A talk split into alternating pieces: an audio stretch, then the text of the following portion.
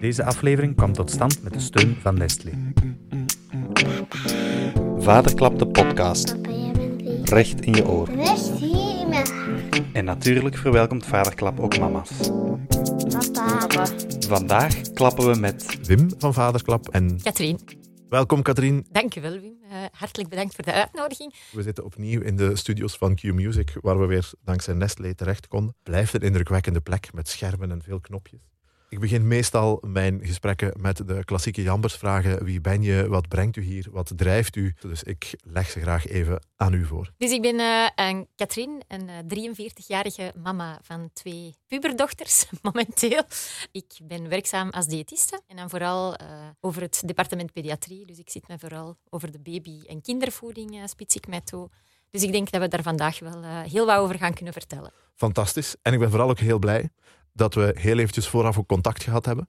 Want ik ben ook een papa van vier kinderen, tussen 11 en 16. Dus babyvoeding, goh, ehm, het ligt soms denk ik gelukkig maar ver achter mij. Ik weet nog dat er op een bepaald moment een baby geboren werd, dat hij aanvankelijk eh, borstvoeding kreeg, maar op een bepaald moment komt, bij sommige mensen snel, bij andere mensen wat later, het punt van tijd om met ander eten te beginnen, met wat men dan noemt vaste voeding. Zijn er signalen? Is er een manier om te weten? Vandaag is vaste voedingdag. Vanaf vandaag kan het. Ja, nu, ik denk we kunnen best altijd een beetje algemeen kijken naar de leeftijd waar dat vooropgesteld wordt wetenschappelijk. En dan zeggen ze tussen vier en zes maanden is uw kindje fysiek klaar om te starten. Maar is dat nu op de dag dat u een baby vier maand wordt of op de dag dat u een baby zes maand wordt? Dat moet je zelf een beetje aanvoelen. Ja, we gaan zeggen, de Wereldgezondheidsorganisatie raadt aan om gedurende de eerste zes maanden exclusief borstvoeding te geven. Ja, kindjes die flesvoeding krijgen, die mogen vanaf vier maanden starten. Dan kregen wij ook wel regelmatig de vraag, wat doen we dan best? Groente, fruit, een mengeling, een koek, een stuk brood. Waar begin je mee? Ja, nu we gaan de koeken en de snoepjes misschien al even achterwege laten. Ja. en eh, starten met fruit en groenten. En daar heb je eigenlijk zelf de keuze, Wim. Zeg je van, ik ben zelf nogal verzot op fruit, dan start je met fruit. Zeg je van, oh nee, ik ben iemand dat zelf liever groenten, warme maaltijden eet, dan start je met groenten. Dus daar heb je eigenlijk zelf de keuze in. Niet, het een is niet gezonder dan het andere, het een is niet beter dan het andere. Ehm, het enige waar je wel rekening mee moet houden als je kiest voor, eh, voor groenten, dat je natuurlijk je groenten wel gaat koken of stomen, vooraleer ze aan je babytje te geven. En naar fruit toe, dat je kiest voor ja, toch wel zacht en rijp fruit, eh, zonder te veel pietjes en velletjes, want daar gaan de babytjes in het begin toch wel wat last van hebben. Ja. Zit er dan een verschil in tussen fruit en groente? Zit daar een voedingswaardeverschil in? Eerder raden wij aan om te stomen, omdat je dan echt wel een beter behoud gaat hebben van je vitamine, wat toch ook wel heel belangrijk Ja. is. Dus dat is het grote verschil. Nu, soms zie je bij kindjes die iets minder makkelijk verteren, dat het fruit ook wel gestoomd wordt, om het zo eigenlijk iets makkelijker te gaan laten verteren. Ja, gestoomde banaan. Sta me toe dat even niet voor te stellen.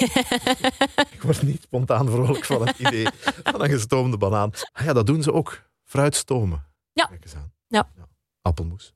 Voilà, ik wou het juist zeggen. Ja. Goeie gekende peer- en appelmoes. Dus. Ja. Ja. Zijn er ook richtingen in de hoeveelheden? Ieder ouder kent zijn kind het beste. Ja. U als papa zal ook weten welk van uw kinderen een goede eter Ja. is en welke een minder goede eter. Nu natuurlijk, de eerste keer weet je dat niet en dan is het belangrijk om een beetje richtlijnen te hebben. Nu weet ook, de eerste keer gaat uw kind zeker niet zijn ganse portie opeten. Maar neem zo een beetje als streefdoel een 200 à 250 gram. Ah ja. Ja, dan heb je zo een idee. Als we spreken over een fruitpap, is dat ongeveer 2 à 3 stukken fruit, naar gelang de grootte van het fruit. Eet uw kindje die 200 gram niet op, dan is het wel belangrijk om nog aan te vullen initieel met de melkvoeding, borstvoeding al dan niet de kunstvoeding, zodanig dat uw kindje wel een volwaardige maaltijd binnen heeft. Hè. Maar één keer dan die 200 à 250 gram wordt genomen, dan hoeft er geen melk niet meer extra gegeven te worden. En dat is 200, 250 gram, zowel fruit als groente. Ja, ja, ja. Ik herinner mij, mijn oudste, dat was in het begin een hele moeilijke neter. Die bleek dan zo eh, verborgen reflux te hebben van die toestanden. Maar die, eh, als wij aan het eten waren, die begon altijd heel fel te kwijlen van ik wil ook. En we begonnen eigenlijk soms met die gewoon een stuk brood te geven om op te sabbelen. En er is ook zo'n theorie die rondgaat van geef ze gewoon van alles en laat ze prullen en proberen. Eh, hoe is uw kijk daarop? Ja, heel, heel leuk dat u dat aanhaalt. Want eigenlijk is dat een van de, van de ja, manieren dat aantoont dat een kindje klaar is om te beginnen eten. Als ze eigenlijk zien dat jullie zelf als ouder aan het eten zijn en dat ze geïnteresseerd beginnen zijn in, in die voeding. En dat ze, gelijk dat u er juist zei, we gaven die een stukje brood, die stak dat in zijn mond. Effectief, dat ze beginnen met die, met die coördinatie van dingen in hun handje te hebben en dan naar hun mond te brengen. Momenteel is er ook zo een methode die ook wel door heel wat ouders wordt toegepast. En dat is uh, baby-led weaning of de Rapley-methode. Ik weet niet of dat je daar al van Ja. hebt gehoord. Waar dat er eigenlijk onmiddellijk stukjes wordt gegeven. Dus daar wordt niet naar gemixt, gemixte groentepap of fruitpap gegaan, maar wordt er eigenlijk onmiddellijk naar stukjes gegaan. Ja, de bezorgde papa in mij die wordt dan wakker en die denkt dan: oh jee, die gaan stikken. Eerst even dat Heimlich-manoeuvre eh, oefenen. Maar ik ben misschien gewoon Ja. overbezorgd. Ja, ja, absoluut. Eigenlijk van nature uit zijn onze kindjes zo gemaakt dat zij, dat zij daarin niet gaan kunnen stikken. Nu, dat wil niet zeggen, je gaat natuurlijk geen druif moeten geven aan een kind, want dat is te gevaarlijk. Ja. Maar geef je, ik zeg maar, een broccoli-roosje of een stukje gestoomde wortel, een stukje gestoomde courgette. Dat zijn dingen die eigenlijk allemaal zacht zijn en daar kan een kindje ja, op sabbelen en zo gaat dat smelten in de mond en kan die dat gewoon doorslikken. U vroeg me daar straks, hé, wanneer zie je dat een kindje klaar is? Ja. Dus ik zeg het, hé, als ze de tekenen beginnen te hebben van interesse te tonen in voeding, op die handjes te beginnen sabbelen, alles in hun mondje te steken. Maar ook heel vaak denken ouders dat een babytje tanden moet hebben om te beginnen Ah, met ja. vaste voeding. En dat is eigenlijk helemaal niet. Het verhemelte, de tong, de tandenboog, de kaakboog zorgt er eigenlijk voor dat die kinderen zelf hun voeding kunnen verwerken, zelf al hebben ze nog geen tanden. Dus je moet zeker niet wachten totdat die eerste tand er staat. Ja. Veel mensen denken dat, maar dus, eh, ja, de mond zelf is al voldoende ontwikkeld om die vaste voeding te kunnen verwerken. Dus dat is zeker geen enkel probleem. Ja. Dus als ik het goed begrijp, is pletten en mixen niet nodig. En heb ik heel er uren verloren door met een vork bananen en moesige appelen plat te duwen. Had ik dat gewoon zo kunnen doorgeven. Ja, wel, ik denk zeker voor de papa's eh, onder jullie dat die daar niet zo mee in zitten als de kindjes graag er een kliederboel van maken. Maar de mama's hebben dat voor het algemeen niet al te graag. Dus eh, gemixte voeding is natuurlijk ja, makkelijk. Dat wordt met een lepeltje gegeven. Dan blijft alles vrij proper. Je kunt denken, ja, als een kindje zelf begint te eten, dan ja, Dan gaat, eh. Ja. alles gaat op ontdekking. Hè? Dus Ja. eh, de, de voeding gaat op de grond belanden in, eh, in alle mogelijke hoeken van de keuken. Ja, dat is zo. Dus, dat is, dat is een, hè, in C is het dus niet nodig. Het is geen allee, veiligheid door te zeggen, of geen hoog grotere veiligheid door te zeggen, we gaan alles pletten en we maken er echt een papje van. Dat is in principe niet nodig. In principe hoeft het niet, maar het is, kan zeker ook geen Nee, kwaad om het wel te doen. Voilà, ja. Kan een argument zijn als een papa of een mama die meeluistert eh, geen zin heeft om te pletten, dan kunnen we Ja. zeggen, maar het is oké, ze kunnen Ja. daar niet in stikken. Het enige wat ik misschien nog kan toevoegen is als je met stukjes begint, dat een kindje natuurlijk nooit heel snel al een volledige maaltijd gaat eten. Omdat dat natuurlijk, ja, die spelen vooral ook met dat eten. Dat is een ontdekking, ook met de handjes. Hè. Mo- Mondmotorisch, om te zien Ja. wat kan ik daar allemaal mee doen met, met dat eten dat ik hier voor mij krijg. Terwijl ja, als je lepel per lepel in de mond steekt en het potje is op, heeft hij een volwaardige maaltijd binnen. Als je dat in stukjes gaat geven, ja, dan moet al hè, verschillende stukjes aardappel, verschillende stukjes groente. En daar komt het meestal niet bij. Dus dat gaat iets trager in evolutie om een, vo- een volledige maaltijd binnen te hebben. Maar dat kan zeker geen kwaad.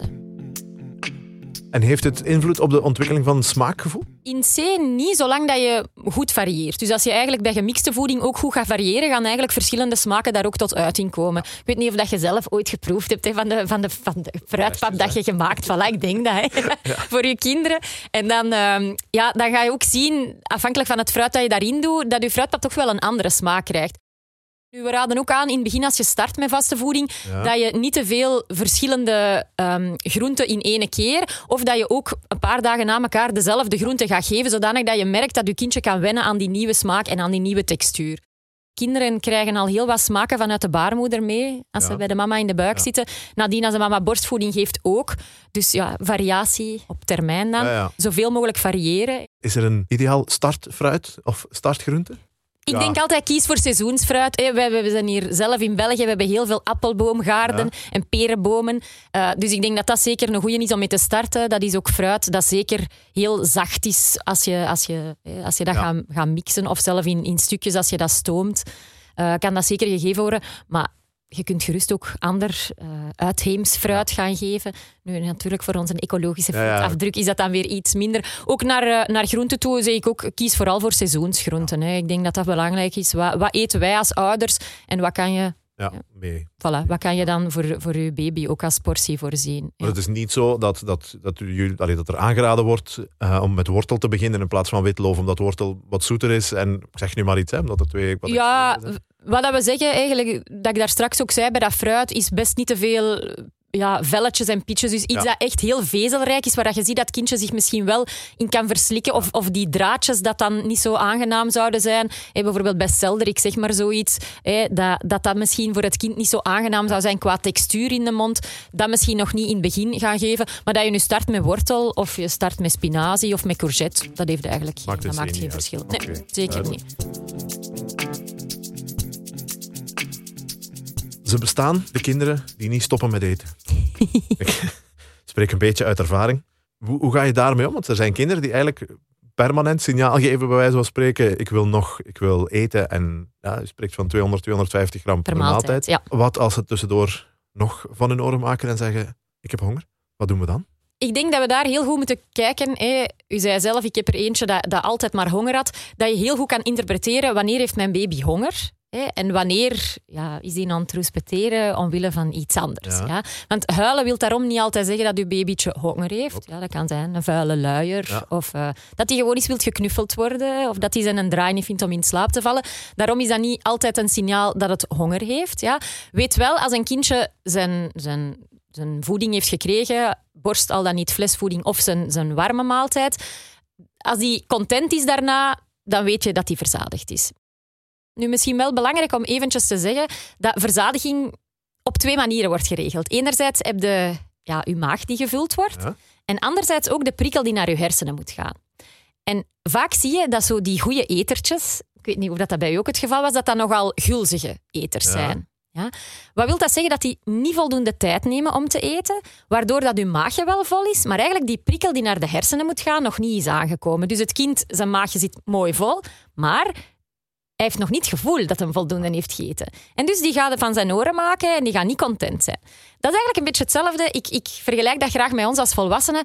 Als wij heel veel honger hebben, ja, wat gaan wij doen? Wij gaan heel snel beginnen eten. En we eten, we eten. En na twee minuten zeggen we, oh, mijn bord is leeg, maar ik heb niet het gevoel dat ik genoeg heb. En je begint nog te eten. En dan een kwartier later heb je zo'n mega overladen gevoel en denkt, oh, nu heb ik echt wel te veel gegeten. Hoe komt dat? Je hebt eigenlijk je maaltijd te snel ingenomen, je maag was vol, maar je hersenen hadden nog niet het gevoel gekregen van ik ben verzadigd. En dat is eigenlijk hetzelfde mechanisme bij een babytje. Je moet eigenlijk zorgen dat je voldoende tijd neemt om je babytje ja, zijn maaltijd te laten innemen, zodanig dat die verzadigingsprikkel naar de hersenen kan doorgaan. Nu weet ik waarom ik regelmatig uitgeteld op de zetel lig. eten. Alweer al iets bijgeleerd. Via babyvoeding eh, kunnen we het fijn toepassen op onszelf. Als ze zelf beginnen eten, hoe zorg je ervoor dat die, dat die remmen dat die niet te snel gaan? Nu, we zullen dat ook in twee stukjes bespreken. Misschien eerder eerst het stukje rond de, rond de ehm, melkvoeding. Ja, aan de borst, meestal drinken de kindjes daar niet te rap, omdat ze moeten eigenlijk heel hard aan die tepel zuigen om die melk daaruit te krijgen. Dus meestal aan een borstvoeding, dat is het ideale tempo. Nu, flesvoeding kan wel al zijn dat die kindjes iets sneller gaan drinken, dat je echt zo van die gulzige babytjes hebt. En dat kan je oplossen door een, een speentje te nemen met een ander debiet. Waardoor dat je babytje ook harder gaat moeten zuigen en daardoor ja, meer tijd gaat nodig hebben om, eh, om zijn voeding in te nemen. Ik meen mij te herinneren dat er zo streepjes op staan. Ja, ja, voilà. voilà. Oh, ja.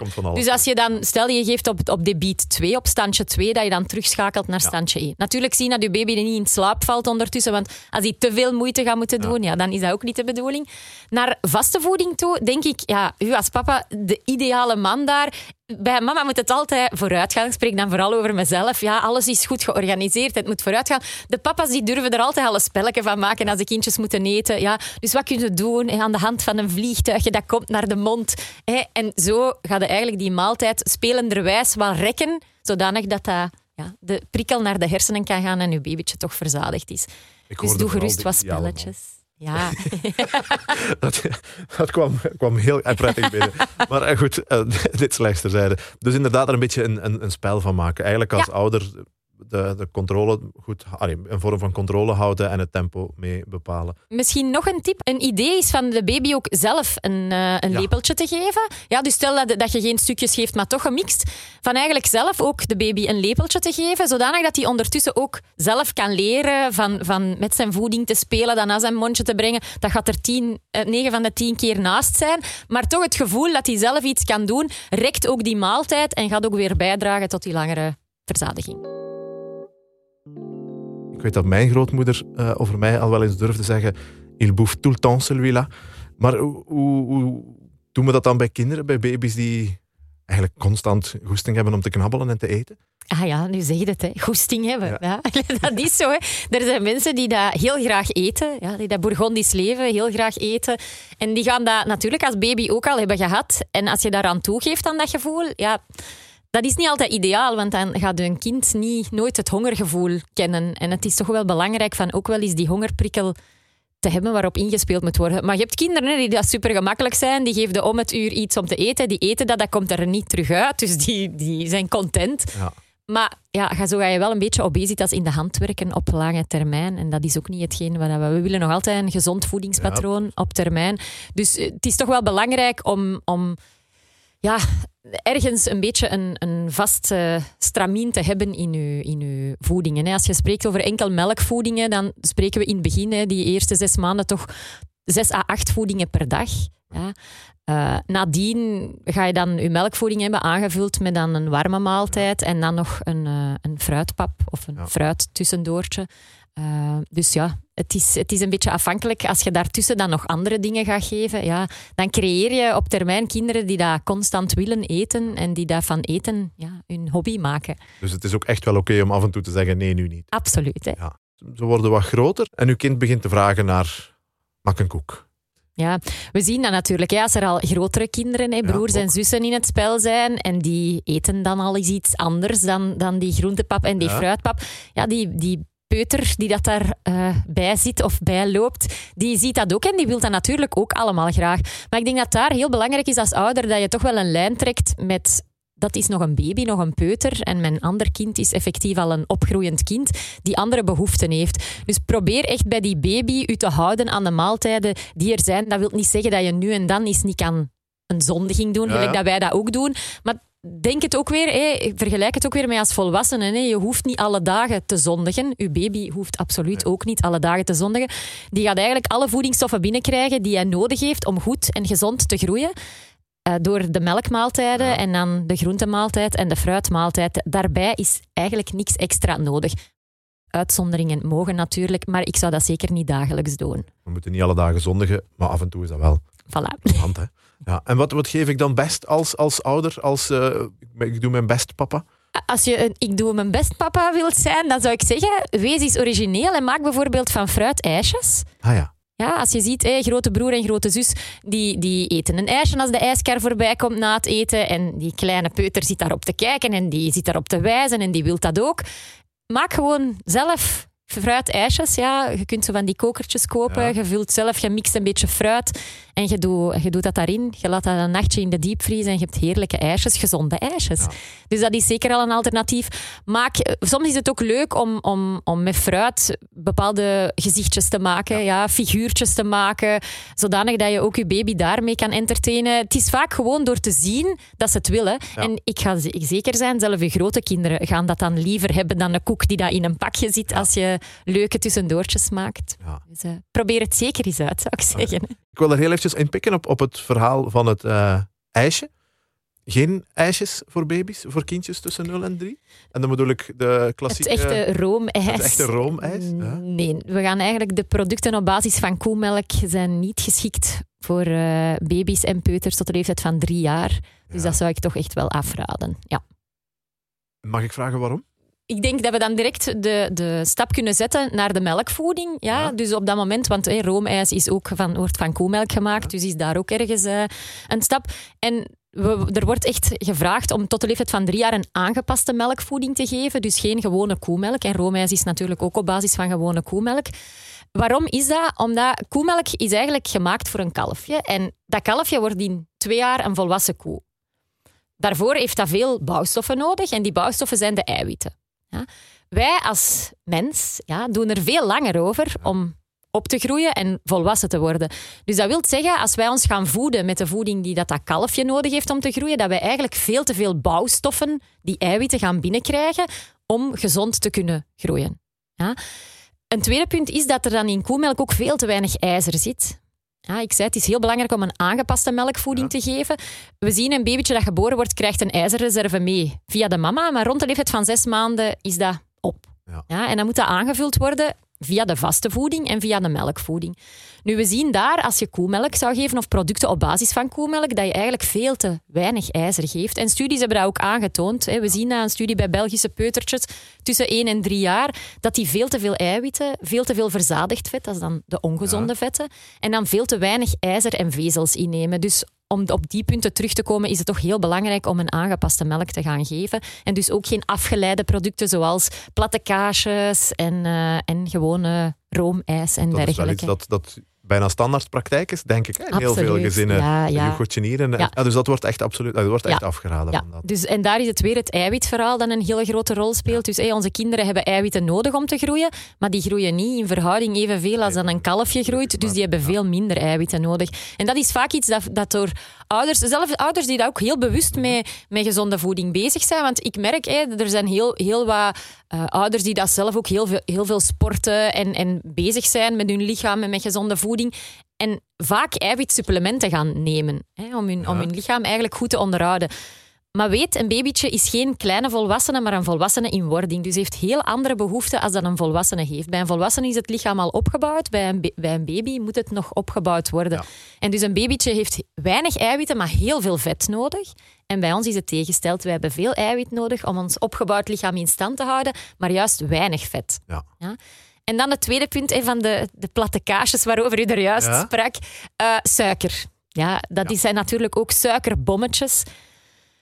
Dus hou daar ook rekening mee als ouder. Ja, als je als papa boodschappen gaat doen, want ik weet tegenwoordig gaan er heel veel papa's de boodschappen doen en mama Ja. blijft bij de kinderen thuis en de papa's gaan naar de supermarkt. Als je niet goed weet van ja, welk product is hier nu geschikt voor mijn babytje, hè, wat, wat moet ik hier nu nemen?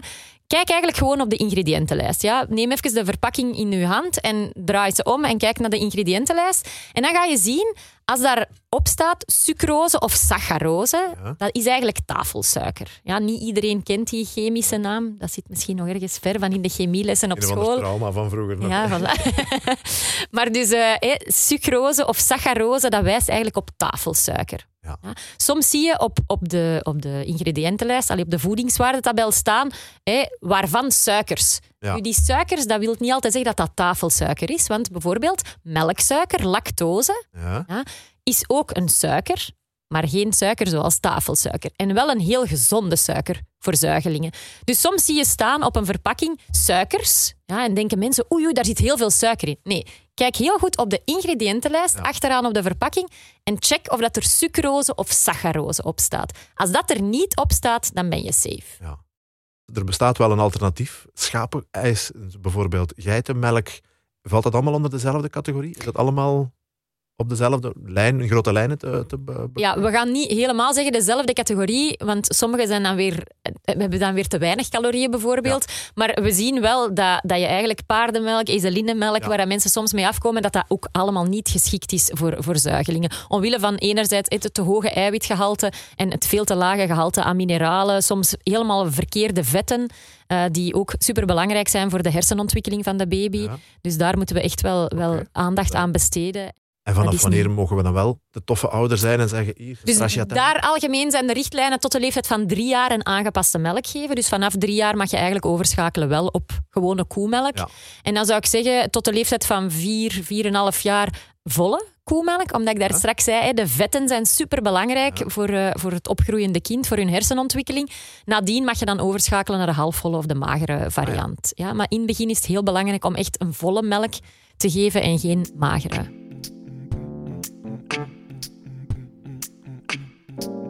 Aangepaste melk, u hebt het al een paar keer gezegd. Ik moet bekennen, ik kan er mij niks bij voorstellen. Wat, wat, mag, wat mag ik me voorstellen bij aangepaste melk dan? Ja, nu als we spreken over de babyleeftijd, ik zeg het, de meeste mama's en heel veel mama's geven tegenwoordig borstvoeding, dus dat is absoluut de beste keuze. Wordt er niet gekozen voor borstvoeding, dan gaan we over naar flesvoeding en dan spreken we over een, een standaard klassieke startvoeding van 0 tot 6 maanden. Ja. Dan spreken we van een opvolgvoeding, ja, een geadapteerde opvolgvoeding vanaf 6 maanden tot 1 jaar. En dan vanaf 1 jaar spreken we over een groeimelk. Groeimelk. Ja, Die eerste, er komt in mijn hoofd zo'n beeld van blikken potten met poedertjes. Ja. Dat is dat. absoluut. Ja. Zover ben ik. En groeimelk, is dat ook nog in poedertjes? Dat kan in poeder en dat bestaat ook in vloeibare variant. Ah ja. Kant en klaar, gelijk dat we gewone koemelk in brikken hebben, Ja. eh, bestaat dat ook gewoon in, eh, in brikformaat. En dat ja. is dan een melk, dat is niet gebaseerd ook niet op koemelk, dat is een, een samenstelling van... Jawel, dus de, de zuigelingenvoedingen worden bijna allemaal gemaakt op basis van koemelk, maar die worden eigenlijk ja, helemaal uiteen. Die, die koemelk wordt helemaal uiteengehaald. De goede dingen houden we bij en de slechte dingen gaan eruit en worden aangevuld met andere goede ingrediënten die onze baby's nodig hebben om te kunnen groeien. Dus Ah, ja. we starten wel vanuit koemelk. Ja, En waarom? Omdat er hier heel veel koeien zijn. ja, hè. voilà. Ja, zou de zot zijn van het niet te gebruiken Voilà. als het kan. Hè. Ja. Zo is dat, zo is dat. Oké.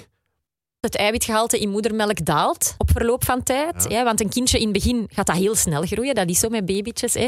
De eerste maanden groeien die enorm. Nadien gaat die groeisnelheid een beetje afnemen. Dat wil zeggen dat ze op dat moment iets minder eiwitten nodig hebben. Dus belangrijk, hè, je start met een eerste leeftijdsmelk. Die bevat een bepaalde eiwithoeveelheid. Als je dan overschakelt naar een nummertje 2, zo'n opvolgmelk, Ja, een nummertje 2 is dat. Voilà, dan, heel goed. Dan eh, ga je zien dat die eiwithoeveelheid daalt. Ja. Ja, dus dat is heel belangrijk. En als we dan nog verder gaan naar die groeimelk, ook daar weer ga je zien dat die eiwithoeveelheid naar beneden moet. Want dan gaat je kind in verhouding ook weer minder groeien en Ja. ga je ook minder eiwitten no- nodig hebben. En ga je ook eiwitten uit andere, uit de vaste voeding halen, hè, via vlees, vis of eh, vegetarische alternatieven dat je gaat geven. Oké. We krijgen al wel eens de vraag. Kinderen, heel dikwijls bij het avondritueel, drinken nog een flesje hè, voor ze gaan slapen. Ehm, is er een moment dat, dat de wetenschap zegt, nu zou je daar beter mee, mee stoppen? Of kan het geen kwaad? Het hangt eigenlijk af aan, aan de totale hoeveelheid melkproducten dat een kindje inneemt per dag. Dus als we zitten rond de 350 milliliter à 500 max, ja, dan, eh, dan is daar absoluut geen probleem. En hoe dat, dat wordt ingevuld, ja, dat is een beetje eigen.